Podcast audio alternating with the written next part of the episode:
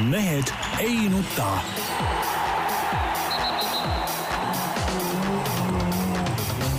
mehed ei nuta. selle eest, et mehed ei nutaks, kannab hoolt Unibet, mängijatelt mängijatele.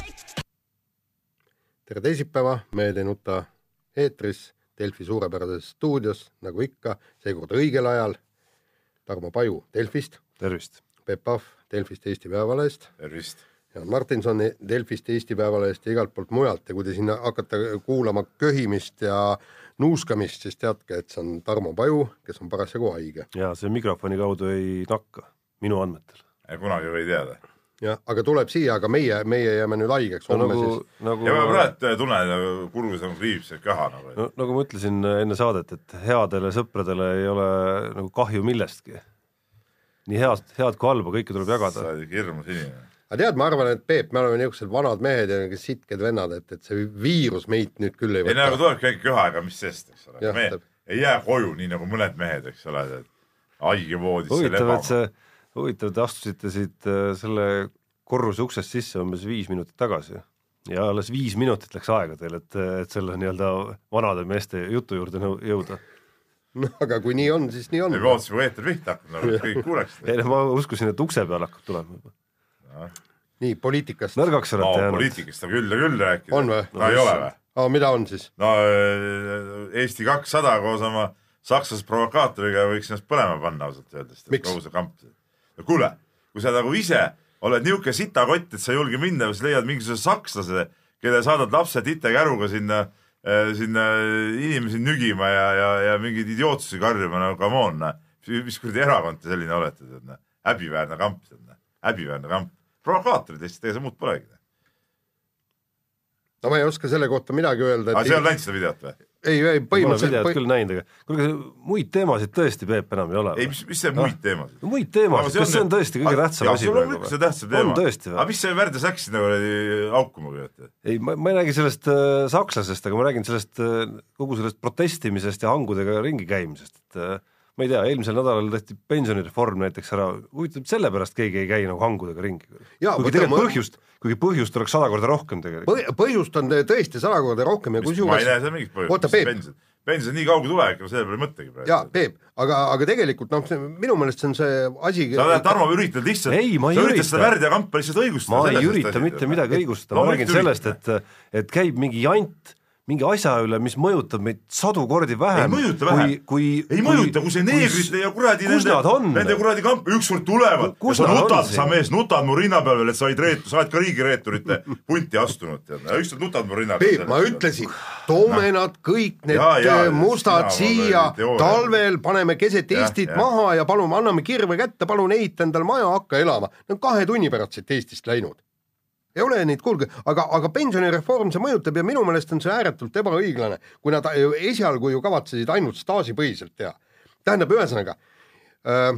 aga ei tehtud staažipõhiselt? no aga viiskümmend, viiskümmend, ega see no, ka see ei ole päris. see on normaalne jaotus umbes ju. nii, aga, aga. sa ei saa ainult ju, sa ei saa ainult ju see teenistuse pealt ka teha, sest ega siis äh, mõned inimesed, kes teevad eluks olulist tööd, saavad väikest palka, mis nad peaks väikest pensionit ka saama. jaa, aga, aga. see töö, mida Jaan, sina siin teed, see ei ole küünemustagi väärt aga inimesed, kes kuradi iga päev laudas juba lehma lüpsavad, saavad seal võib-olla viissada eurot, nemad peavad saama rohkem pensionit kui sina, sest sa oled kogu elu mitte midagi tehes ära elanud. Peep, kuule, aga si selle kohta ma jälle ütlen seda, et, et kui inimene läheb pärast kuuendat klassi, läheb tööle, hakkab tema tööstaaž jo jooksma, pension jooksma, aga teine, vaata sinu need õpetajad ja treenerid, kes istuvad seal ja omandavad kõrgharidust, lähevad, teevad veel doktori ka ära, eks siis neil ju tööstaaž ei tiksu. doktor, mis see ei ole mingi näite, et sa oled doktor. miks ei ole? kas doktor on kuidagi parem inimene kui lihttööline või? on või? ei, aga ta öö... see on ju mõttetu, mõttetu juramine mis, mis ju, loomulikult. mis asi? noh, mingi doktori tegemine, mis sest reaalsusest kasu on? ei no mis, tema õpetab õpetajaid, tema ju noh. see on ju lollus, saad ise ka, Jaan, aru. No, sa ei saa kuidagi öelda, et, et doktor on millegi poolest parem inimene kui lihttööline. ei, ei, aga paneme siis ka nad võrdselt. ja, ja, ja, ja kusjuures ja ta ei pea mitte mingil juhul rohkem pensionit ei no Peep, kuule, keegi pole väitnudki, et nad paremad inimesed aga on, mis Jaan seda ei ole Jaan väitnud, ühegi lausega ei öelnud seda, lihtsalt on ameteid ja, ja harusid, kus on vaja, kus on vaja magistri- ja doktorikraadi ja on asju. ja on neid, kus ei ole, aga ütleme see, millega noh, väga paljudes riikides tegelikult oleks inimesed tänavale tulnud, oli ju see punkt, mis äh, muutis ära pensionile asumise ea ja muutis selle nagu liikuvaks üleüldse, ehk siis ei ole fikseeritud, vaid sel hetkel umbes kui noh, umbes sel hetkel, kui sa minema peaksid, vaadatakse, mis on sel hetkel nii-öelda eeldatav eluiga inimestel ja selle järgi selgub, kas sa üldse saad pensionile või ei saa. väga paljudes riikides selle peale oleks rahvat, rahvas tänaval tegelikult, mitte see, selle jura peale, mis siin praegu see toimub. mind nagu üldse ei huvita. No praegu noor mees oled, ei huvita jah, aga saad vanemaks. sina muidugi mõtled juba kümme aastat pensionile minekut. no aga vanust ka ju. aga mis vanus, see on nii väga anda, sul on kümme aastat veel aega töötada. no põhimõtteliselt küll jah no, aga no pärast seda, pärast seda, kui öeldakse ja seda no,, ühel ja hetkel seda, seda jõua tööd, mida meie teeme, võime teha veel üheksakümne aastased ka, tead, näpud ikka liiguvad. noh, ütleme niimoodi, et, et aju ei liigu enam siis. see on juba sinu probleem, tõmba vähem seda hulka, mida sa seal pudeli taga tavaliselt peidad. nii, aitab poliitikast või? väga tuliseks on läinud. nii, räägime parem siis spordist ja räägime Eesti laskesuusatamisest. toimus maailmakarika esimene etapp, lootused olid väga kõrgel millised lootused? no millised lootused ikka kes tõstis lootused kõrgele? no kes, sportlased rääkisid, et on kõvasti trenni tehtud, noh, kui inimene teeb trenni, siis järelikult areneb ja kõik nii edasi, edasi, eks, tulemusi nagu selgub, et ei olnud. muidu, muidu oli kõik tipp-topp, ainult et märkidele ei saadud pihta ja sõidukiirus, see oli absoluutne katastroof no sõidukiirus oli siuke puht sõiduaeg olnud siukse viiekümnendal kohal. ei no parimad, meie ja parimad. no parimad muidugi. sõidukiirus ju noh katastroof on jälle väga suhteline, Jaan, et äh, minu arust oli, võttis selle kokku kõige paremini Indrek Tobrelutsu enda jutt, peatreeneri jutt siis pärast seda etappi, ma räägin antud juhul naistest eelkõige, kus ta rääkis sellest, et äh, et sõidukiirus on tegelikult meie kolmel naisel paranenud. Äh, kusjuures nagu asja nagu nii-öelda teine pool on see, et enam-vähem ongi tal õigus tegelikult, lihtsalt, lihtsalt see para-, jaa, lihtsalt, lihtsalt see paranemine käib kohtadel kusagil seal noh, ma ei tea, seitsekümmend, kuuskümmend, eks noh. et noh, selline, et selline meie seis lihtsalt on ja kogu lugu noh. jaa, aga põhimõtteliselt kas keegi mulle saab nüüd öelda, milles see nüüd asi on? et kas, kas tõesti meil, meie sportlased on sedavõrd andetud, et nad ei suuda arendada suuremat suusakiirust, sõidukiirust? kas, kas meil on treeningtöö vale? kas me anname koormust vähe või anname koormust rohkem? vaata vahepeal siin tuli, kui no, norralased, kes see Sundby käis, eh, sai need Vene koondise, suusakoondise treeningplaanid. Nad ütlesid, et tohutud koormused, millega treenitakse. aga saate aru, eks me ei saa ju kohe seda koormust peale panna, see kõigepealt tuleb see põhi alla laduda. kas meil on põhi la laotud, et kas keegi suudaks meile selle täpse analüüsi ka anda, kirjutada ja näidata, et milles see, see asi on, tähendab, kui noor sportlane, kahekümne kahe aastane, see, see ei ole verinoor, see on just ütleme niimoodi, et, et arenguvõimeline. Ja kui ta ütleb, et ta, ta tahab puhta laskmi-, laskmisega olla kolmekümne sees, see on tema unistus praegusel ajal. no seda on vähe, jaa, aga seda on vähe, see ei saa olla, tähendab, puhta laskmisega esikümnes. kust sa võtad, et sellel noorsportlasel on tase sõita maailma esikümnesse? ei, aga vot ma ei tea. kui palju üldse maailmas mahub maailma esikümnesse? kümme inimest, noh. jaa, aga mille, jaa, aga, aga mille taga see on, miks me ei suuda sõita kiiremini? aga miks teised ei suuda?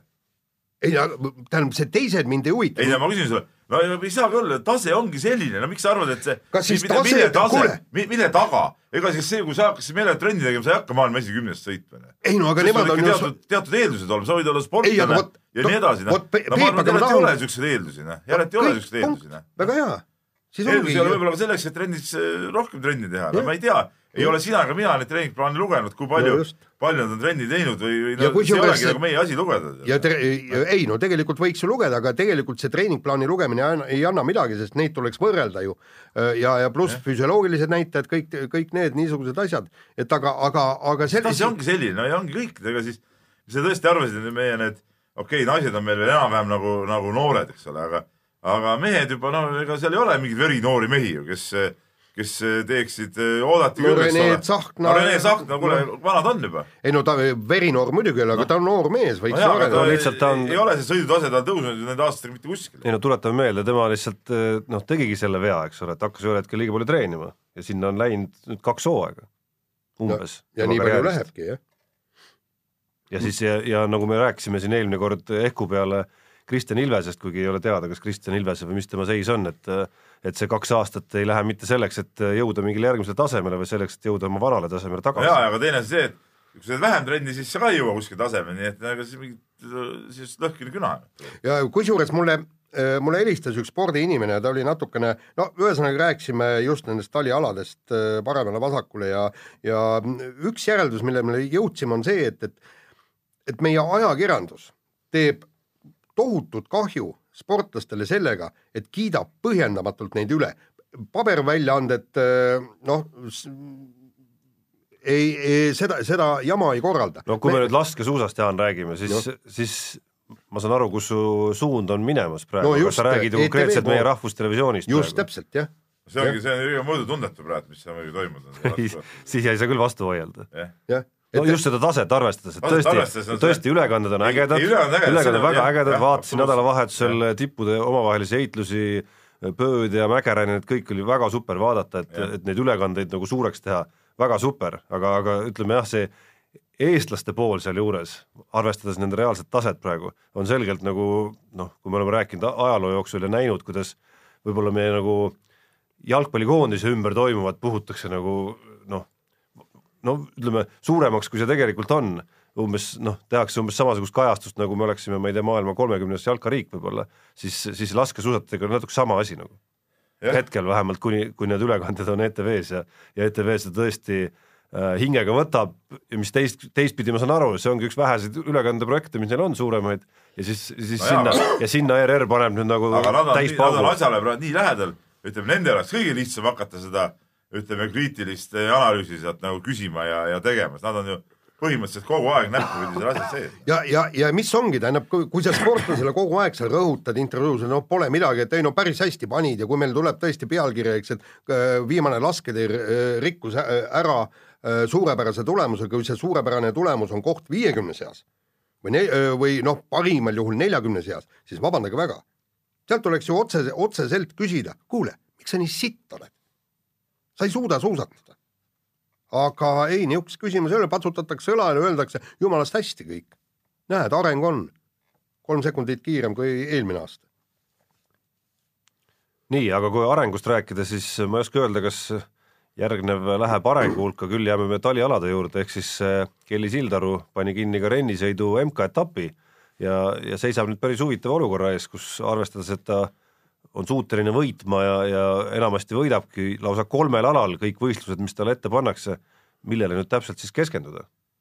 kõike pole võimalik no eks ta peab ise, ise valima, kuigi noh, ühesõnaga ma siin olen natukene rahvusvahelist meediat ka lugenud ja ja kui nad äh, tõesti, rennisõidus on praegu konkurents väiksem kui pargisõidus ja ja selgitus on siis selline, eks no, Kelly jaoks pole kuskil mingit konkurentsi. jaa, ei, Kelly jaoks ei ole, aga tähendab, ma mõtlen üleüldiselt, eks sul on lihtsam läbi, me vaatame praegu hetkeseisu, me ei tea, mis on kahe ja kolme aasta pärast, nii.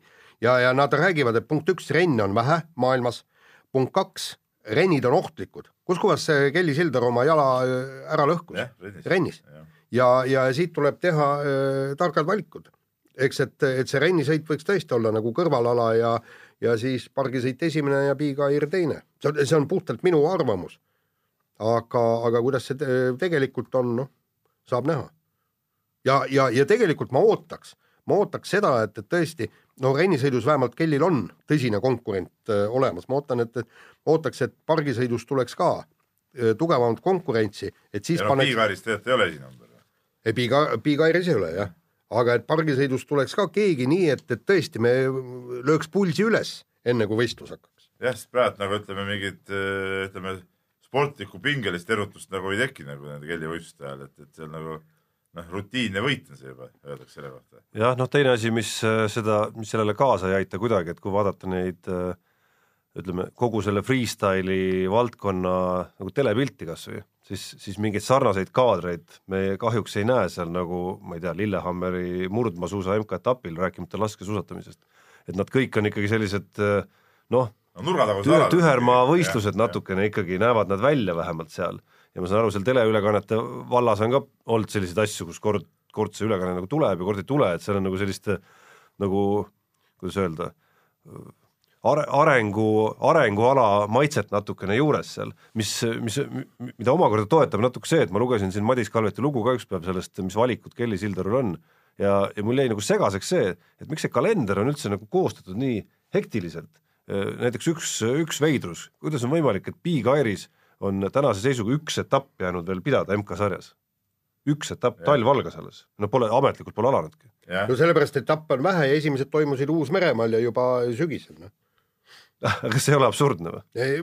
muidugi on absurdne. muidugi on absurdne, aga, aga vaata. see näitabki natuke selle ala kui terviku ikkagi sellist noh, kuidas ma ütlen, et ta ei ole nagu tõsiselt eh, võetav, see, see tervikuna see MK-sari veel sellisel kujul, noh see, seal on ilmselt on probleem see, et, et suur tele, televisioon ei ole veel taha tulnud ja ma ei tea, kas ta kunagi tuleb. sellepärast, et omal ajal eh, siis, kui me tihedalt käisime murdmaasuusaetappides, murdmaasuusatamine, no võrreldes laske- ja mäesuusatamisega polnud ka teab mis, eks. aga, aga kuidas need riigid võitlesid selle nimel, et saada endale MK-etappe ja, ja aga, aga põhjus oli näiteks Itaalia, Itaalia oleks kogu selle MK kalendri kõikidesse suusabaasidesse laiali jaotanud, aga sellepärast, et, et telepilt, e-, e-, Eurosport näidatakse mägesid, näidatakse kõike seda ja kusjuures Itaalia turismiamet maksis minu meelest kas kaheksakümmend protsenti äh, kuludest kinni. Ja kui meil täpselt samasugune asi tuleb tagasi ka sinna freestyle suusatamisele taha, et kõik, kõik need mäe, suusakeskused hakkavad võitlema nende etappide pärast, saadakse kalender ka väga perfektselt korda, aga selleks on vaja televisiooni. nii, lase kõlli. kiire vahemäng ja alustame korvpalliga ja eh, Heiko Rannula, eh, meie tore Pärnu treener, andis teada, et korvpallist tuleb sisse visata. Et meil on, meil on seisma jõudis nüüd ka nagu Eestisse jah, no seni ja. kõik olid elanud ikkagi teadmise järgi, et ka möödavise on hea vise, nii nagu Üllar Kerde siin äh, Õhtulehes hiljuti rääkis, et, et tuleb ja, ära lõpetada see mantra. et nüüd ja. siis on, nüüd siis on veel keegi aru saanud. ja, ja nüüd ma lõpetan lause, et meil on äh, asi ainult ühe mehe najal, teised on nagu kergejõustiklased, kes jooksevad niisama edasi-tagasi. okei okay,, see selleks, aga tõesti, see Kerde intervjuu oli, oli huvitav ja, ja ja noh no Gerde juurde me veel jõuame. jõua, õige, jõuame jah, aga, aga noh, korvpall on nii, et, et tõesti, vaata jätkuvalt, vaata, kas see, kas see oli Eesti koondise mäng Saksamaa või kus kohas on, see on niivõrd tüüpiline kommentaar. mikrofon peatreenerile nina alla, miks te kaotasite? Nemad viskasid sisse, meie ei visanud, meie ei pannud oma kohtadest ära. no taevane arm, no pane siis ära, no, no, no kuulge, noh siin eh, muidugi Heiko Rannula jutt puudutas ju Pärnu meeskonda tegelikult ja. ja see oli antud pärast eh, kohtumist eh, Raplaga, vaatasin ka ise mängu, mängu teleri vahendusel ja noh, see üks mees, kelle ajal seal püsib, oli muidugi noh, ma ütlen ausalt, mina Rannulasena peaks selle mehe ammu juba pingile võtnud, sest et see, kuidas see üks mees äh, äh, mööda uhas ja ikka järjekindlalt kellelegi palli jagamata uuesti peale pani, jälle mööda uhas, see oli nagu käsitamatu tegelikult noh, et, et niimoodi Eh, niimoodi ei saa ka, vot see on, see on üks nagu häda, ütleme nendel siukstel, kuidas ma ütlen, nagu väikstel klubidel, kes on siis eh, palganud endale selle nii-öelda äh, mingi mustanahalise mehe, kes siis peab olema nii-öelda liider ja siis talle tehakse see panus selline, et ta, et põhimõtteliselt võib nagu kõike teha, et andke, andke ainult pall ja las paneb nii lolle viskeid, nii lolle liigutusi, kui, kui üldse võimalik teha, aga põhimõtteliselt talle on nagu asjad kõik lubatud, noh. okei okay,, siis ta vahest paneb ära tihtipeale ongi oma saja viskega seal suurim punktitooja. noh, Toomeng ka viskas viisteist punkti ja tegelikult tabavusprotsent oli ju, ma ei tea, mingi kahekümne viiest neli või midagi sellist. neli või midagi siukest, eks ole. noh, no come on vennad, no mis asja, see ei ole ju korvpall. sul on ikka platsi peal viis meest, see mäng peab olema ikkagi nad, nagu niimoodi, et kõik mehed nagu osalevad sellest. no aga põhimõtteliselt ka ja siis muutuvadki ja selliste meeste pärast muutuvadki mõned mehed nii-öelda kergejõustiks, kes panevad joone jooksu edasi-tagasi. okei okay,, ma saan aru, seal on mõned mehed võib-olla peidavad ennast ka ja sama Kask seal Äh, pärast piket rolli ei oska nagu ennast äh, suureks teha, et talle palli anda ja nii edasi. see on nagu üks asi, aga, aga seal oli, aga seal meeskonnas on ikkagi kolm-neli meest veel, kellele saab seda palli jagada ja kui seda palli nagu ei jagata sinna, äh, noh siis ei ole midagi teha. ja, et vaatasin ka seda mängu, mõtlesin sinu peale, Peep, just ja mõtlesin kusjuures ka meie eelmise nädala ühe nii-öelda nagu toimetuse vestluse peale, kus me rääkisime sellisest mehest nagu Mike James, kes on muidugi noh, kordades kõvem mees, kui, kui seda on too Chapman, kes Pärnus Pärnus. mul tuli isegi nimi meelde, sul tuli nimi meelde. Pärnus, ma eesnime ei mäleta, aga perekonnanimi oli Chatman. et kes seal siis äh, kakskümmend viis viset nagu mängus teeb ja, ja ja noh, James erinevalt äh, Chatmanist siis vahel toob meeskonnale ikkagi võidu ka, aga aga, aga jah, mõtlesin just sinu peale, et see kindlasti äh, pakkus sulle kõva naudingu jutumärkides, selline korvpall. jah, ma ütleme, kütsin parajasti sauna ja mu sauna eesruumis, mul on ka televiisor ja Tallinna Televisioon on tasuta levis, mul see on nähtav ja seal vaatasin seda ja ja ütleme üksinda seal päris valju häälega kirusin maapõhja seda, seda meest seal. et jah, seda tegelikult ju ma ei tea, mina tahaks uskuda, et, et nendele meestele on võimalik kuidagi selgeks teha seda. aga, aga ei pruugi. aga võib-olla siis võib tõesti ei ole, mina sellest aru ei saa, kuidas see nii võimatu saab olla. panna talle siis, ma ei tea, käsk, et sul peab ka, et okei okay,, viska palju viskad, aga sul peab ka, ma ei tea, seitse resultatiivset söötu mängus peab sul olema. muidu pappi ei saa, näiteks. Nojah, aga sa ütled oma seitse söötu ära, siis ülejäänud paneb ikkagi mingeid hullu sinna. et see ikka nagu tervikuna, see mängu mängu idee nagu nendel mustadel meestel on nagu vale nagu noh, lihtsalt nii ongi.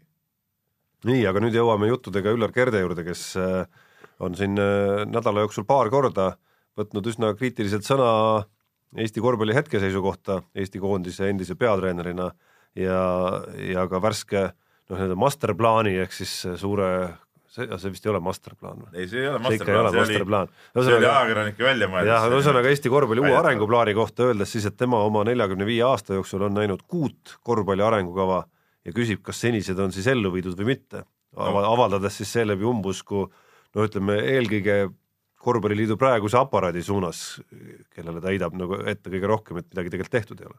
no olgem ausad, muidugi selles suhtes on Üllar Kerde jutus eh, oma tõetera sees et minu arust üks arengukava peaks kehtima aastani kaks tuhat kakskümmend kaks või Tarmo, sa tead peast või? peast ei tea. no midagi sinnakanti. et äh, aga nüüd on juba uus juba äh, nagu kuidagi nagu välja karanud. nagu uus tühistab ju vana. uus tühistab vana jah, et aga seda vana nagu ei ole nagu, nagu rakendatud minu arust, et et, et eks, eks ta kipub ikkagi rohkem olema selline, et et seda juttu ja kõike on nagu, nagu kõvasti ja mingeid asju tehakse ka, et, et aga aga nüüd rääkida, et nüüd see arengukava tuleb ja päästab meid, noh, see, ma nagu seda usku tegelikult päris ausalt öeldes ka ei ole nagu. põhiline ikka see, mis tööd nagu reaalselt nagu tehakse, et neid ilusaid jutte ja, ja neid võib alati rääkida ja, ja valmistada klippe, kus inimesed räägivad eh, ühest, teisest ja kolmandast asjast, kui oluline on see ja teine ja kolmas asi. aga seal arengukavas on ju absurdsed asjad ju sees sama, noh, millel ei ole nagu, nagu vastuseid ja ma nagu küsisin küsimusi ja, ja tegelikult mitmele asjale nagu ongi vastus, et noh, et seda nagu praegu ikka ei tea ja, ja, ja kuidas seda saab teha ja nii edasi, et noh, noh, et arengukavasse saab panna asju, mille, mille täideviimiseks ei ole nagu lahendust olemas. Äh, tead, ma äh, hakkasin, lugesin ka seda Gerda artiklit, hakkasin mõtlema, et tegelikult on ju kogu asi on meie Eesti spordisüsteemi taga. et meil ei ole muidugi see..., paljud asjad ongi, mis, ma segan korraks vahele et paljud asjad, mis korvpalli arengukavasse pandud, ei sõltu absoluutselt korvpallist, vaid sõltuvadki nagu tervest Eesti spordisüsteemist või Eesti seadusandlusest. jah, ja, ja ütleme, ongi, mitte ainult ei sõltu Eesti Korvpalliliidust või Eesti korvpallist, vaid ei sõltu ka tegelikult ka mingist EOK-st või mingist sellisest, et see kõik läheb veel kõrgemale. veel kõrgemale, noh. ja, ja, ja, ja tuli meelde, me, Üllar Kerde oli ka muide sellel reisil kaasas, me käisime kuskil üheksakümnendate alguses me käisime Soomes vaatamas, kuidas Soomes käib klubitöö ja me olime vot nüüd ei mäleta, kas olime Turulinnas või kuskil, no ütleme niimoodi, et et, et seal oli nagu spordiklubi, kus oli haaratud väga palju alasid. Ja üks ala oli siis korvpall, neil olid kõik oma personaalne saal, neil olid kõik meeskonnad alates äh, lastest kuni veteranideni välja, kogu aeg see klubitöö käis ja kõik nii. Ja vaata sinna, kui, kui sul on kõik need olemas, vaat sinna sa saad hakata mingit arengukava koostama, ehk siis sa annad sinna vajaliku know-how kui, kui neil on tõesti, jääb teadmistest puudu, sinna sa sa suudad saata ka nii-öelda eksperttreenerid, välistreenerid, näiteks mõned ameeriklased, kes tahavad tulla äh, noori treenima, noh, oma metoodikat ette näitama ja kõike. see on, koht on olemas, sellepärast seal on aeg, äh, rahvas on olemas kõik, kõik vajalik on olemas, eks, siis sa saad, aga, aga, aga meil no Peep, noh, mis sellest arengukavast, ega nagu Gerde ütles, et, et tuleb viissada viset panna selleks, et selleks, et õppida viskama, eks.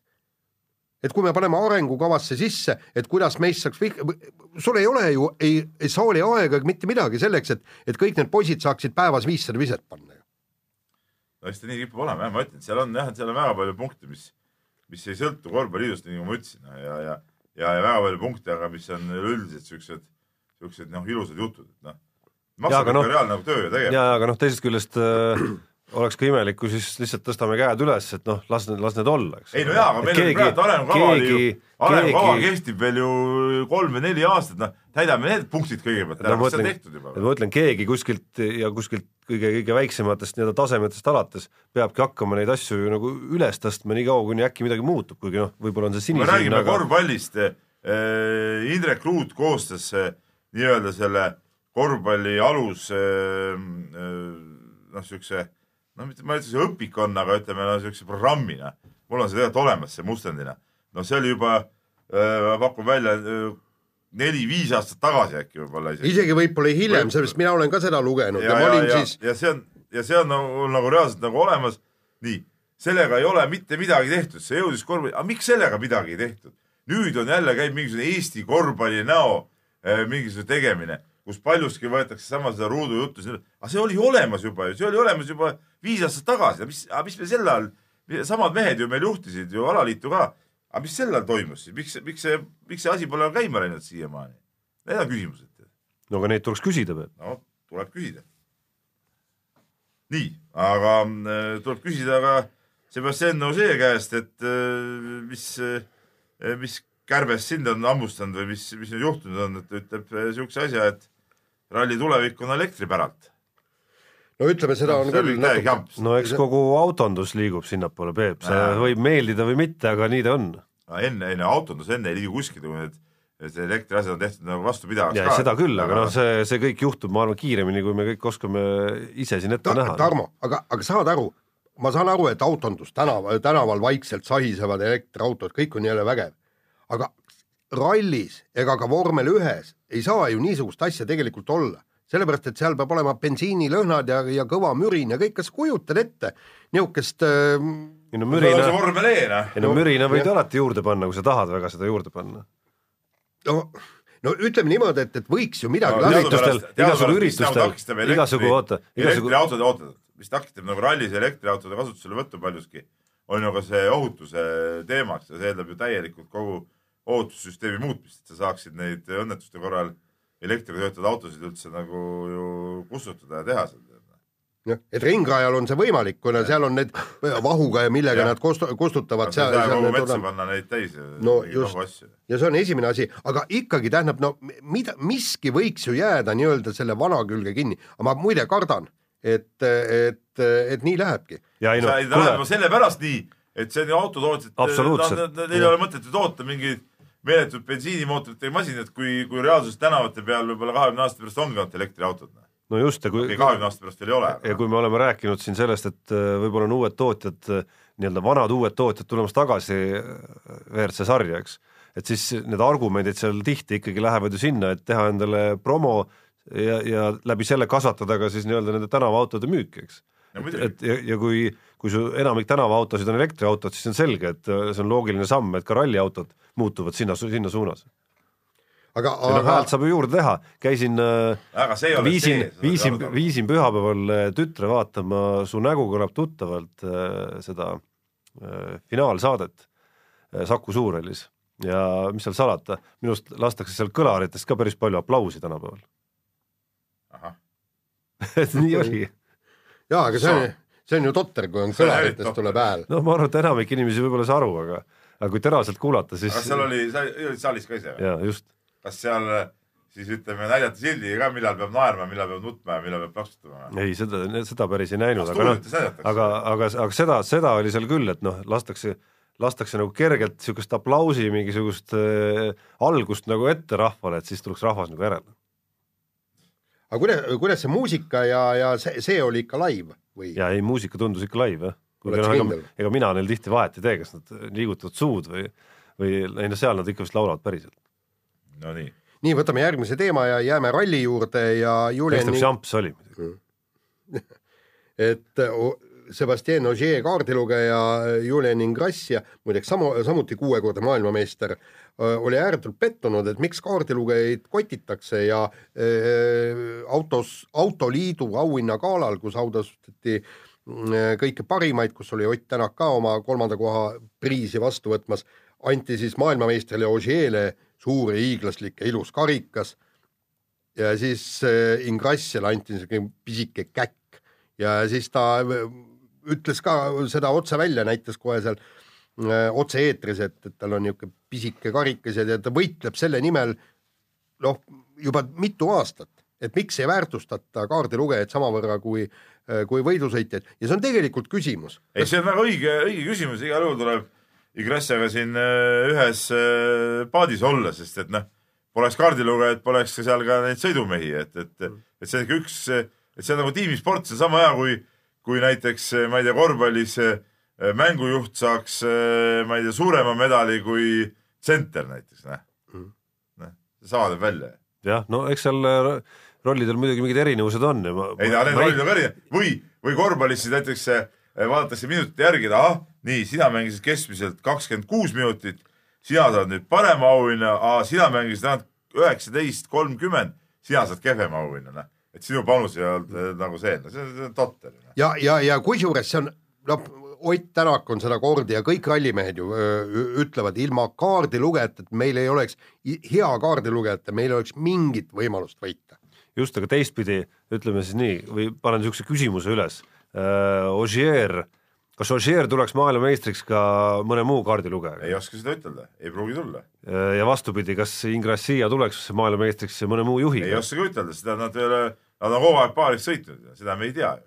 ja, ja nüüd kolmandat pidi küsimus õhku visates, see, läheb juba Ogier'st kaugele äh,, kas ka Eesti parima sportlase valimisel peaks tegelikult olema ka, ka selles nii-öelda parima meessportlase äh, arvestuses, kus Ott Tänak on ju nagu individuaalsportlasena ka ja, kirjas, peaks olema Martin Järveoja ka, eks nad siis konkureeriksid nagu omavahel seal. no absoluutselt no,, mis teadis, kuidas võistkonnas nad on mm. -hmm et ega ei saa ju, et, et kui sa klaavani paned ja siis sa mingi Karul Metsa äh, ei saa panna, seepärast nad on ühes meeskonnas.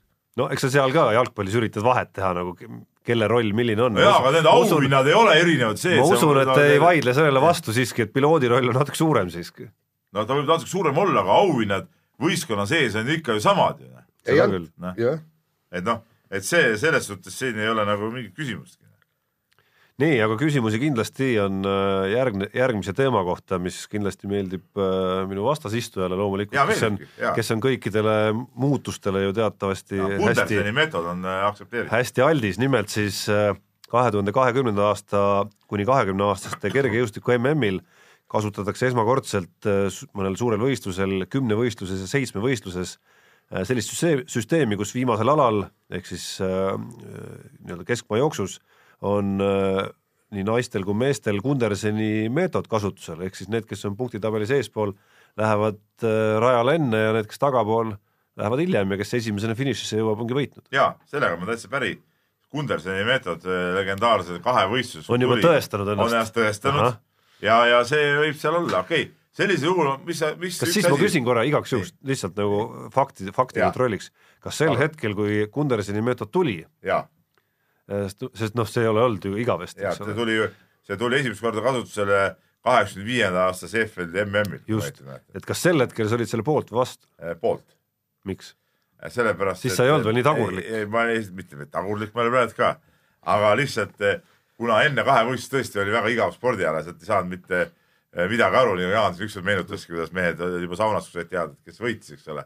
siis see tegi selle kahevõistluse üldse esimest korda nagu, nagu huvitavaks tegelikult ja, ja siin ka ma ütlen, aga mis, mis on nagu selle miinus muidugi, on see, et see kümnevõistluse punkti summa nagu tähtsus äh, muutub nagu teisejärguliseks sellisel juhul.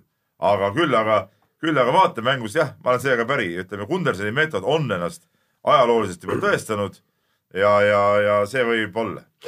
Kevin Maier põhimõtteliselt hakkab üksi jooksma et kui maailmarekordit on tegemas maailmarekordi seeriat, siis ta peab oma tuhande viiesaja meetri aja jaa. peab ta ära jooksma soolojooksu tehes või siis jääb talle, talle jääb muidugi ringiga jalgu igasuguseid mehi, mõni tiimikaaslane võib aidata muidugi. vaata, siin ongi see probleem, et, et see punktisumma muutub nagu teisejärguliseks sellisel juhul, aga võistlus ise muutub kindlasti kaasa kiskuma. siin on üks ainukene küsimus, võib-olla tuhandes viiesajas meetris seda ei tule, aga, aga naistel, kus on kaheksasada meetrit, kas seal ei või olla niimoodi, et, et äh, viimased stardivad alles siis, kui esimesed on juba finišisse jõudnud?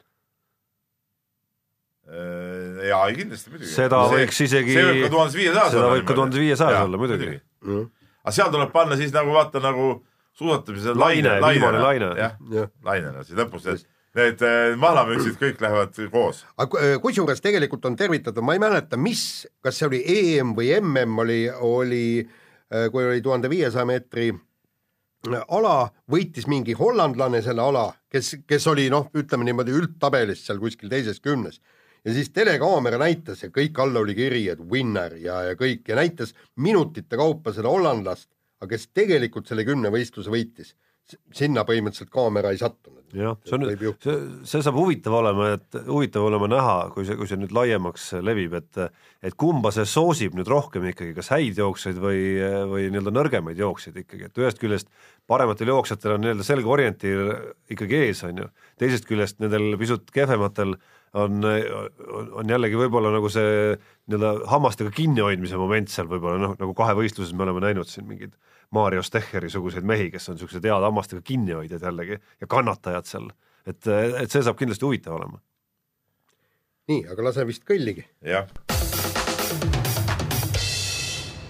nii, lähme kirjade rubriigi juurde, kirju seekord on muidugi, muidugi väga-väga palju ja hakkame pihta siin Tamm-Tammilt on tulnud kiri, kus on kus on kaks äh, küsimust ja need puudutavad mõlemad äh, äh, suusasporti ja, ja, ja, ja laskesuusatamist kui murdmaad ja ta toob siin välja selle kirja, et eelmises jutu, eelmises saates rääkis Jaan, et murmusuusatamises on Norral ja Rootsil mingid imemäärde-bussid.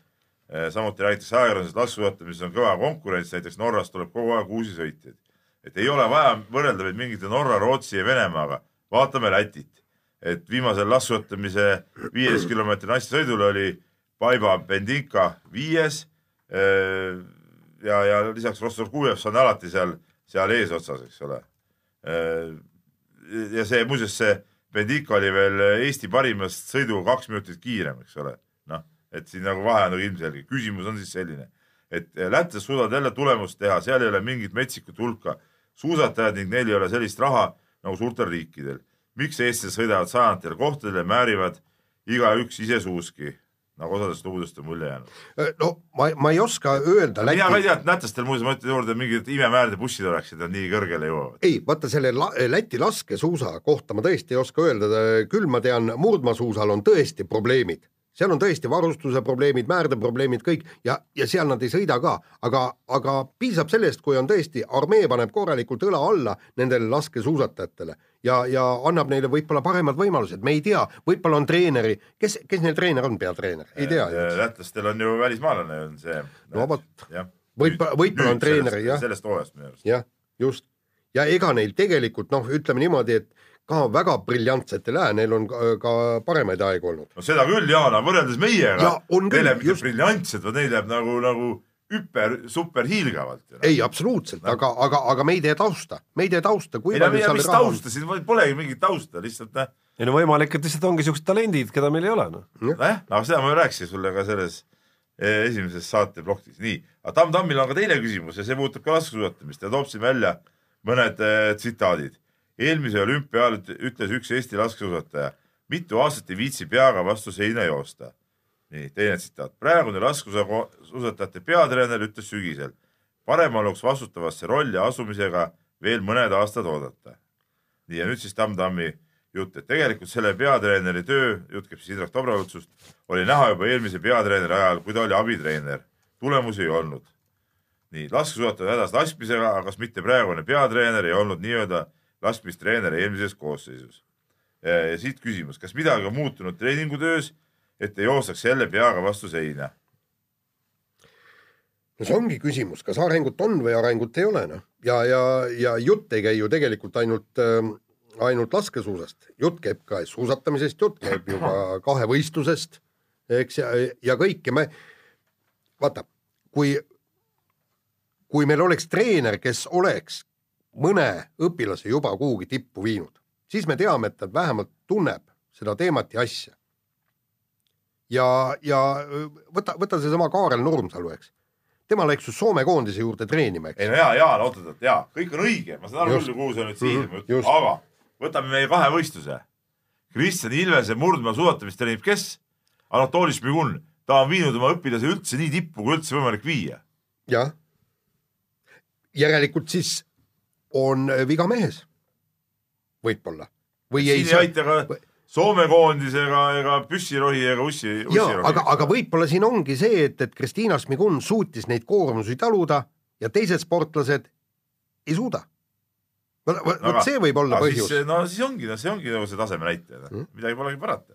siis ei ole mõtet ka ega siis ja Soome koondisse ka ei aita. no see on, me tihti unustame ära, see ongi üks ju nagu päris tippu jõudmise üks kõige suuremaid eeldusi üldse, ongi koormuste talumine, mitte see, kuidas sa näitad võib-olla siin noorteklassis minekut ja mingisuguseid eeldusi ja nii edasi ja nii edasi, et see on lõpuks see noh, see see otsustab lõpuks nagu lõplikult ikkagi, kellest saab päris tipp ja kellest ei saa. ja, ja kusjuures seal on põhjused võivad olla see, et, et su keha ei ole ette valmistatud koormuste talumiseks, noh. sellepärast, et äh, Soome, äh, Soome meedias ju oli suur-suur pikk uuring, oli teaduslik uuring, kui nad väitsid, et selleks, et äh, äh noor suudaks minna üle täiskasvanute klassi, peab iga päev Äh, laps liikuma mõõduka või keskmise koormusega kolm pool tundi, kolm pool tundi, selleks, et organism ette valmistada. ja, ja täpselt nii ongi, meie kusjuures liikusime need tunnid täis omal ajal. nii, ma ei lase Jaanil sellesse oma tavarütmi laskuda, vaid võtan ette Kalle kirja ja Kalle juhib tähelepanu sellisele asjale. Eelmisel nädalal avaldati kahe tuhande üheksateistkümnenda aasta kergejõustiku MM-il pääsunormid, mis on päris karmid paljudel aladel ei saaks Eesti rekordigi peale. kas peate selliseid normi õigeks? no kui on vaja kolmkümmend kaks sportlast välja valida, no mis me siis teeme, kui me paneme madalad vormid, madalad normid, siis lõppkokkuvõttes ikkagi need kolmkümmend kaks ju valid välja. me võime panna ka normiks kaugushüppes kaks meetrit, aga sa ikkagi võtad lõpuks ülevalt need kolmkümmend kaks parimat. et ega see norm üksinda ei muuda ju tegelikult suurt midagi, küsimus on nii-öelda mitu sportlast vastu võetakse, selles on ju põhiküsimus. jah. aga lõpuks on ju nii, et äh, jah, et seal et normi, kui sa lihtsalt normi paned liiga madalale, siis sa ei saa kontrollida seda numbrit kuna sa pead kõik vastu võtma, kes normi täitnud. ja seal ongi see ka, et, et tegelikult ju no see kolmkümmend on ikka see piir, eks ole mm, -hmm. et, et noh, seal pole nagu vahet, kokkuvõttes see normi kõrgus, ütleme, sa võid panna maailmarekordi ka selleks normiks, et sellel ei ole, siis saabki lihtsalt kolmkümmend paremat maailmast peale edetabeli järgi ja noh, kõik on nagu lihtne. et selles suhtes see normi asi ei ole nagu nii nii dramaatiline. aga, aga muidugi ta näitab, näitab ära selle rahvusvahelise taseme. taseme jah ja., seda küll, nii. aga Riho kirjutab meile ja, ja ütleb, et pole meid ammu, meile ammu kirjutanud, aga saadet kuulab ikka ja hästi panete, loomulikult, eriti mina, eks ole, Riho. mina esitan siin ikka seda õiget, ka poliitilist, ütleme, vaatenurka. ikka, ikka. erinevalt siin mõnest muust mehest, aga noh, see selleks. võib-olla õnnestub siin ikkagi noort meest ka kasvatada siin aja, ajapikku vaikselt mõnikord nagu tundub, et on isegi midagi külge jäänud, aga, siis on jälle kõik nagu küljest ära kukkunud. noh, tuleb tugevat mörti kasutada. nii, aga nüüd Riho kirja juurde. et äh, vaatab, vaadates viimaseid korvpallimänge, on jäänud silma, et koondise mängudel on Saku Suurhalli äh, siis tribüünide ülemine osa täiesti tühi. ja ega meie klubi korvpalli esindusmeeskonna Graamo mängudel ka just suure publikuga nagu kiita ei ole. noh, kui Kalevi spordialis tekib see petlik tunne, et rahvast on palju. noh, aga noh, täis ta ikkagi ei ole. jah, nii räägime pidevalt, et korvpall, see on meie mäng ja oleme korvpallirahvas. meedias reklaamid ja Kossu hümn on ka nüüd tehtud ja nii edasi. tahaks küsida, et mis korvpallirahvas me selline oleme, kui me saalid pole täis ja kuuendat meest publiku näol väljakul ei ole. nii mõnigi võit tuleks Cramol või koondisel suure tuhhi ja meeletu kaasaelamise toel koju. no absoluutselt eh, kahe käega kirjutan alla ja ma ka ei saa nagu aru, mis, mis korvpalli eh, rahvaks oleme, sest me räägime, kui tõepoolest Eesti koondis mängib ja oleksid, mängiks mingit, mingit, ma ei tea, mingit pupujukkudega, näiteks Gruusia, Eesti-Gruusia mäng, väga oluline mäng. Eesti koondis oli väga heas koosseisus, Gruusias olid ka kohal täitsa okeid mängijad. saal oli tühi, pooltühi. aga tulebki öelda, et ei olegi siis korvpalli. aga ei olegi, noh. aga mis me siis üldse oleme? kes me üldse oleme? Rallirahvas. Arvan... see ralli jutt, Jaan, see on ka tead, no see okei okay,, ja oleme rallirahvas, jah, käivad peame me tingimata, peame me tingimata olema siis mingisuguse alarahvas või? ei, mulle meeldiks võiks, muidugi väga, kui me oleksime, eriti muidugi korvpallirahvas. ei no me ei pea olema mingi ala, aga ma ei, ma ei saa sellest aru selleks..., kui koondis mängib, siis peaks olema Saku Suurel alati täis. mängib võrkpalli, peaks olema täis. mängib jalgpalli, peaks see, see isegi see mõttetult suureks ehitatud staadion peaks olema rahvast täis. See on nagu elementaarne, et sa käid oma koondist nagu toetamas. meil ei ole siin mingit äh, nii hiigelareenid, et, et ei peaks rahvast täis saama. Aga... kuule, kaks tuhat inimest eh, koondise mängus on naljanumber ju noh. ja Peep, Peep, aga nagu sa näed, siis eh, ühel koondisel, kui me räägime tähtsamatest mängudest, ongi see saal ikkagi täitsa korralikult täis, ma räägin võrkpallikoondisest. ehk siis ikkagi väga selge seos on selle vahel, kuidas koondis mängib, mis elamust seal rahvale pakutakse ja selle vahel, kas rahvas tuleb saali või mitte.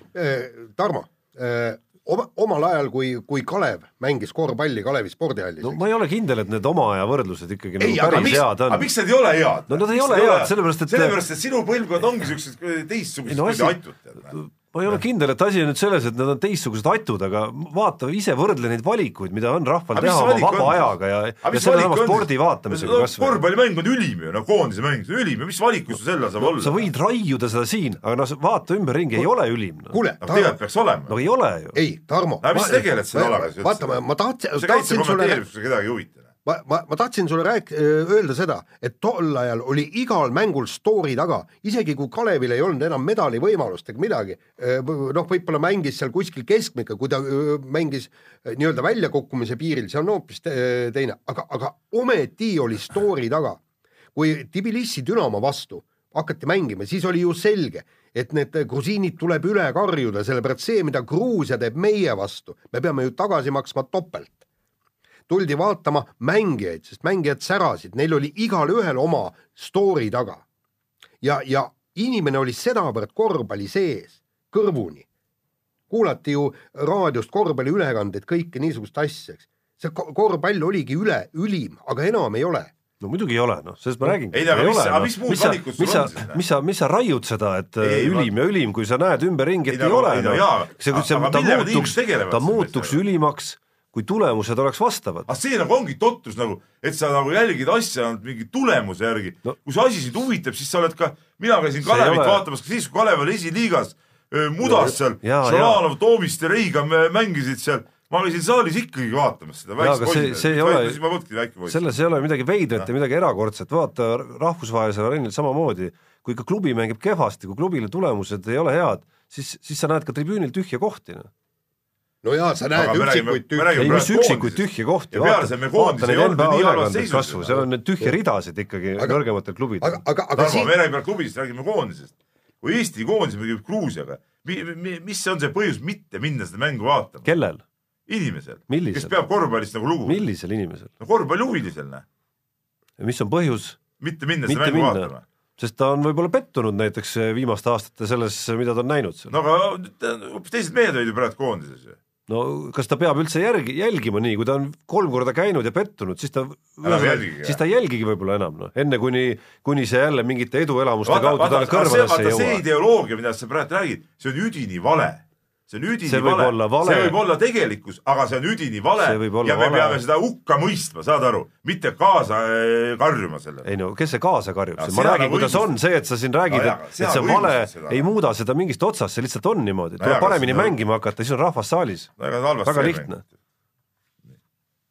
hästi mängisid. No mitte nüüd nii halvasti ka, Gruusia Gruusia mäng oli väga huvitav mäng minu arust. ei no ma ei vaidle selle vastu, issand, ma vaatasin ise ka seda mängu ja, ja ütlen, et see oli täitsa okei okay mäng loomulikult. aga see, et rahval on. et see, nüüd vaata, väga hea vaata, mäng oleks olnud. sa räägid, ei mitte väga hea, väga hea, väga head näed teises kohas, aga see, et sa räägid, et rahval on mingid muud võimalused, mingid muud valikud, mis, mis valikud, mis valikud sel õhtul olid siis? issand, telekast tuleb, sul on Eestis olemas mingisugune noh, vähemalt viis, viis spordikanalit alustuseks juba, kust vaadata midagi muud. vaatamine teeb telekas ei kaalu kunagi üle vahetut vaatamist. no me võime nii mõelda, aga näed, inimesed nii ei mõtle, keskmine inimene ei mõtle nii. sellepärast tulebki need telekanalid ja sellepärast me peaks Delfis ka need korvpalliülekanded ära lõpetama. Üks mäng nädalas, mina te-, ma tegin sulle see ettepanek, ammu olen rääkinud seda, ei peaks näitama kõiki mänge, sellepärast et rahvas siis harjubki selle idiootse arvutiekraani taga istumisega ära ja ei tule enam saali ja see tulekski ära lõpetada. minu väide kusjuures on vastu, et äh, ei, see ei ole põhjus, miks on, on rahvast vähe, kindlasti mitte.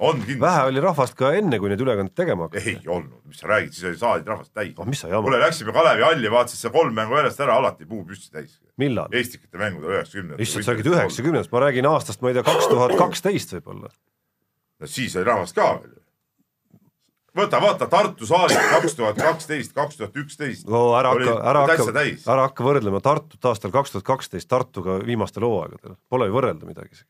eks ole, korvpall ikka korvpall, omad kutid mängivad, see ongi see, vot see ongi see, et inimesed on nagu väärastunud mõttemaailmaga, et nad ei suuda nagu, nagu elada kaasa ja olla toeks oma satsile. huvitav, et sa tahad ikkagi nagu süüdistada hirmsasti neid inimesi mitte ikkagi nagu see teist poolt, kes võiks pakkuda võib-olla siis nagu paremat elamust nendele inimestele. Need pakuvad enamasti. no järelikult ei paku, kui asi ei ole nagu enamuses alati, asi on selles, et sa lähedki vaatad seda mängu ennast, noh vaatad kas või vastastki siis, kui no vot see on nüüd see, see nüanss, mida sa räägid, on nüüd kindlasti selliste nagu noh, üle keskmise asjatundjate nagu motiiv ikkagi mängule tulla. see on see sektor, kes on seal Kalevi no, hallis meie ajal olidki, kes olid üle keskmise asjatundjad. see on, see on see sektor, kes on seal Kalevi hallis, tead, seal vastasmeeskonna pingi taga, ei, Kalevi meeskonna pingi taga. aga, aga meie ajal olid kõik inimesed sellised, kõik jagasid seda. ma ütlen isegi liidu esiliiga ajal äh, oli rahvas käis saalis, okei okay,, ta puupüssi täis muidugi, aga isegi siis oli rahvast okei okay,, lähme nii, lähme nüüd edasi, lähme korvpalli juurde et Rain Veidemann. korvpallist tahagi midagi rääkida.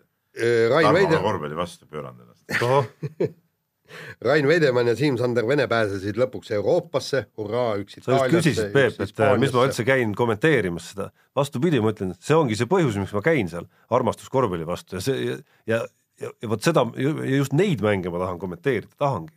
sa ütlesid ise ka, vot seal näeb nagu tippkorvpalli jaa, aga selleks, et, selleks, et sul oleks õigust üldse tippkorvpalli vaadata tavainimesel, peab ta tegelikult kõigepealt koduse asjaga ennast kurssi viima. vot nii käivad tegelikult asjad. ja ma arvan ka seda, et inimesel näiteks, kellel ei ole nagu huvi käia Eestis mingit võistlust vaatamas, kui ta läheb välismaale, siis mingit järsku vaatama midagi, siis see on eputamine. et ühesõnaga, kes ei ole käinud Eesti, ma ei tea, ala võrkpalli meistrivõistluste mänge vaatamas või, või ütleme noh, ühisliiga, tal pole õigus minna Riiga ja. Eesti koondisele kaasa elama. sellepärast, et see on lihtsalt eputamine, see ei näita, et sa oled selle asja fänn või huviline. no ma jään eriarvamusele, aga okei okay,, Jaan. nii, no rääkige nüüd, Veidemann ja Vene pääsesid Euroopasse, jee, ja siis Tanel Kurvas tuli ja tugevdas kõvasti Kalev Cramot. Kurvas oli selle eelmise nädala kõige suurem üllatus muidugi, sest et ütleme, mees, mees köha tuli selle peale kohe, et, et. juba said pisiku kätte? ma nagu jaa, sain pisiku kätte juba, ma nagu väga ei oodanud, et Vene, vabandust, Kurbas eh, noh, suudaks Kalevile midagi väga juurde anda, eriti nende eh, nappide minutite ja episoodide põhjal, mis ta seal Poolas sai, aga mees tuli ja, ja mängis, mängis nagu, nagu noor jumal, aga noh, paraku Kurbase puhul on muidugi see, et tuleb ära oodata üks viis-kuus mängu, et saada nagu aru, mis ta siis nagu tegelikult endast kujutab, sest tegemist on ääretult ebastabiilse mängijaga. no sellepärast tasubki siiski nüüd äh, noh, oma ootused ka kohe alla tuua siiski, et, et, et noh, tema roll kindlasti ei saa olema, mis ta seal oli, kaksteist punkti või ja. midagi sellist nagu mängus on ju. et kui sa vaatad Kalevi mängijate loetelu, siis seal on üldse väga vähe mängijaid või üldse korvpallimeeskond saabki olla väga, väga vähe mängijaid, kes on sellises rollis, et nad viskavad keskmiselt hooaja peale kaksteist punkti mängus. aga, aga noh, vähemalt nii palju mulle tundub, et, et see ütleme, olemine Kalevis võikski talle paremini sobida, olemine sellises noh, nagu rollimängija rollis Kalevis versus noh, sellest Poola klubist on suhteliselt nagu vastakaid jutte olnud kuulda ja ta ise on ka rääkinud, versus siis olla seal kuskil nagu ikka nagu nii olelusvõitluses kui üldse olelusvõitluses seal kuskil Poola liiga mingis madalas klubis, kus kus üldiselt vist korralik korralagedus, korralik korralagedus on ka nagu ümberringi ma arvan, et see keskkond, mis tal siin Kalevis on, on tema jaoks kindlasti sobivam kui see, mis seal Poolas on. ja ma olen sinuga täiesti nõus, jah. no nii, mees nagu rauast, aga.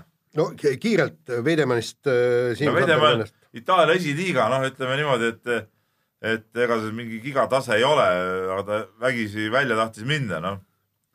Pole midagi öelda, leping oli Raplaga nii tehtud, et see õigus tal oli ja, ja selles suhtes ei ole kellelegi midagi ette heita, et, et kas see nüüd äh, sportlikul tasemel teda nüüd kuhugi edasi viib, noh, seda näitab aeg, aga, aga pigem noh, see on ikkagi nagu tagasiminek oli sellesse, sellele levelile siis, kus ta oli siis eelmine hooaeg, eks ole. noh, tagasiminek ma võib-olla. no ütleme tagasiminek selles suhtes nagu naasmine siis sellele levelile, ütleme siis niimoodi, kõlab paremini. et ütleme noh, eks ta Eesti-Läti liigaga, ma arvan, enam-vähem kuskil nagu sarnastes suurusjärkudes enam-vähem, enam-vähem ikkagi on, eks ole, ja satsis ta ka on on äh, selge liider nii seal kui siin, seal võib-olla on see noh, tähelepanu ja ootus lihtsalt veel suurem, on ju, ja noh, kindlasti tegemist on muidugi liiga ühe tabeli alumise satsiga. hetkel küll, jah ja. aga ega Rapla ka siin nüüd päris äh, esimese otsa sats ei olnud. jah, seda küll. aga noh, Siim-Sander Venel on kõige parem hea meel, eks ole. no eriti suur heameel oli, sattusin kuidagi natuke juhuse läbi, aga sattusin tema esimese mängu viimast veerandit veel vaatama ehk siis äh, eriti hea meel oli veel selle üle, et ta mitte lihtsalt ei saanud Hispaania liigasse. telekanal andis üle seda või? no ja, ja ikka jah. ja noh, ütleme netti jõudis see siiski mingeid, mingeid siukseid kahtlaseid teid pidi loomulikult, aga aga mitte sellest ei tahtnud ma rääkida, vaid sellest, et et mees mitte ainult ei olnud algkoosseisus, vaid oli ka see mees, kes mängis kogu viimase veeranda ja oli väljakul kõige otsustavamatel hetkedel noh, Euroopa sisu, Euroopa kõige tugevamas rahvusliigas. jah, ja, ja, no, ja tuli napp võit ja kõik need asjad, jah. et see on nüüd see tase, kuhu tegelikult peab meil jõudma rohkem korvpallureid selleks, et Eesti koondis näiteks siis hakkaks äh, tõusma oma tasemes. sellest ma kirjutasin ju just, loo ka täpselt. see on nüüd see tase, kuhu tegelikult peab nagu jõudma.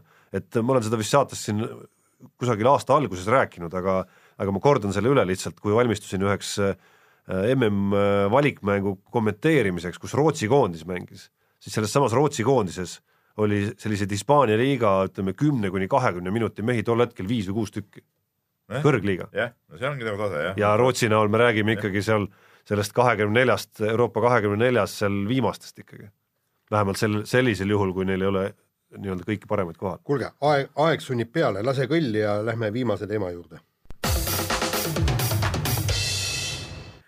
on tulekul Eesti parimate sportlaste autasustamine. see teema on meil mõttetu, ma kohe ütlen Miks, ära. siin ei ole okay. midagi arutada. ei ole, okei okay,, noh ütle ära, parim meessportlane, kes? Ott Tänak. miks? MM-pronks. tähendab, paneme jälle medalite järgi ainult või? medalid ongi see, mis nad toovad. aga samas, nagu sa Peep enne argumenteerisid tuliselt, ta on ikkagi nagu võistkonna alamees et ütleme. võistkonna nad võidavad koos äh, Martin Järveojaga. et ta on ikkagi, ütleme ütleme ümmarguselt on tema saanud ikkagi nagu pool sellest äh, sellest MM-i pronksist. selle sinu teooria järgi ei oleks Tiit Sokk saanud ka tulla võrreldes, võrreldes sellega, ei no need on erinevad aastad, erinevad saavutused omavahel äh, võrdluses, võrreldes Magnus Kirdiga, kes on ikkagi nagu üksinda kõik ära teinud. jah, muide see, no selles mõttes on üks mees, kes viskab oda ja, ja võidab või ei võida, eks aga seal me räägime tiimist. no seda küll, aga mis siis? aga Peep, Peep, aga ütle, kas, kas tõesti Magnus Kirt ei ole absoluutselt konkurent või? Ott Tänakule, ütleme. no see on EM-pronks, teine on MM-pronks. ütleme niimoodi, oota, paneme nüüd sealt, et mõlemad on Eesti alad, nii odavise kui ka ralli, siit on selge. Ott Tänak tegi väga vinge hooaja, aga kohta võrreldes eelmise aastaga parandanud. tegelikult kumb pakkus sul lõpus rohkem emotsioone. ütleme, see vahepealne, kui see Ott Tänaku võitlus MM-tiitlile, see, see oli muidugi ülivinge, aga tegelikult kas, kas tõesti Magnus Kirdise pronks, et lõpuks me saame ka odaviskes taaskord medali? et see, minu meelest oli see ka ääretult mulle pakkusid Oti, eriti Soome ralli võit oli minu selle aasta üks kõvem spordiemotsioone. no viimasel ajal on kombeks rääkida, nagu siin on, nagu siin on kirjutatud ka, viimasel ajal on ju nii-öelda rahva nimel kombeks rääkida paljudel, noh, mitte sporditeemadel, aga, aga siin spordist rääkides, no rahva nimel selge, Jaan, et see võrdlus sul läheb untsu, et et nii-öelda rahva nimel rääkides, emotsioonidest rääkides, Tänak on ikkagi esimene. emotsioonide pakkumise mõttes. just, aga, aga, aga ma ütlen, et aga teisest küljest personaalselt. personaalselt ma ütlengi, jah Oti, kui me võtame Eesti spordi eh, tervikuna sellel hooajal, siis Ott Tänaku võit Soome rallil, just, just nimelt Soome rallil, oli kõige kõvem asi. jaa, aga, aga Peep, aga vaata siis äkki, äkki juhtubki niimoodi, ma kujutan ette, et, et Ott Tänak hakkab nüüd neid eh, MM-medaleid võitma järgmistel aastatel nii kaua, kui ta korralikus eh, tiimis sõita saab. kas me siis iga kord valimegi ta parimaks? aga kui Kirt tuleb järgmine aasta odaviskes maailmameistriks ja Ott tuleb ka MM-i hõbedaks, siis on, siis on Kirt esimene, see on selge. aga selles ma ei näe ausalt öeldes Jaan üldse mingit probleemi, kui Ott Tänak tõesti kümme korda järjest tuleb maailmameistriks, ma ei näe mingit probleemi teda kümme korda järjest ka Eesti parimaks sportlaseks valida no,. milles probleem? ei, ma ka ei tea, ma ei saa ka aru. no ei, selge noh. noh, Kirdi puhul muidugi peab seda veel ütlema, et okei okay,, ta oli EM-pronks, mitte MM-pronks aga ütleme, et odaviskes nüüd eriti vahet ei ole. ei väga, no, no väike vahe on, aga okei okay,, ta oli ka teemant liigal ju väga väga hea, eks ole, et Kirt et ega siin keegi, ega siin, et ega siin väljaspool Euroopat keegi ikkagi ei sekkunud aasta jooksul ükskõik mis võistlustel odaviske tippkonkurentsi. et Kirt oligi väga kõva, aga aga paraku mina ütlen, et ta jääb alla Tänakule. no selge, nii, Katrina no, Lehisele no, naist täis, naistest siin ei ole mingit konkurentsi kübetki. ja kusjuures esiteks Euroopa meister ja story on ka taga, kuidas ta sinna võistlustele pääses pärast lapse sündi kõik. siin ei ole nagu, ma ei näe nagu konkurentsi poegagi sinna nii äh, aasta, aasta treener äh, Helen Nel-, Nelis Naukas, täiesti nõus. no siin olen isegi mina nõus. siin on, Nelis Naukas kasuks räägib nagu, nagu see, see story on nagu veel kõvem isegi kui see Lehise story ju tegelikult, kuidas ta sealt ütleme, kogu kõik need tema võitlused, mis ta on pidanud pidama, eks ole oma niimoodi eksistentsi õigustamiseks sinna juurde nagu no ütleme nii, et ilma temata ei oleks ja. Katrina Lehis võistelnud sellel võistlusel, mille ta võitis. ja, ja pluss tema isiklikud need kõik need võitlused ja see noh, vägev noh, aastatreener igal juhul. Noh. nii, ja aasta võistkond Ott Tänak, Martin Järveoja. ei ole mingit küsimust ega samuti konkurentsipoega ma siin ei näe, nii et noh, selles suhtes ma ütlen, et, et selles suhtes tuleb väga, väga igav see valimis, mina olen nagu interneti teel oma hääled ka juba ära andnud ja täpselt niimoodi ma tantsingi, et siin nagu ma ei näe nagu mingit, äh, mingit pinget see aasta siin. Nii, kell on kaksteist null null. ma küsin siiski lõppu veel, kuna saanud ja no oot, ei, ei ole siis järelikult tunni ma siiski saanud. küsin Peebu käest seda, et äh, või noh, Jaan, sinu käest ka, et oletame, et nüüd meessportlase valikus oleks lisaks äh, Ott Tänakule ka Martin Järveoja. Yeah.. Kas ta pääseks, äh, kuidas järjestus oleks? järjestus olekski Tänak, Kirt ja Järveoja. jah, miks mitte. see oleks õiglane järjestus. just nii, nüüd olen lõpetanud. nüüd on saade lõppenud, kuulake meid täpselt nädala pärast ja olge mõnusad. elagu EKRE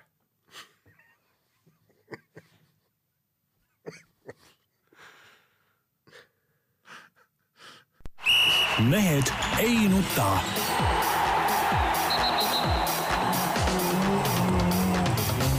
Mehed ei nuta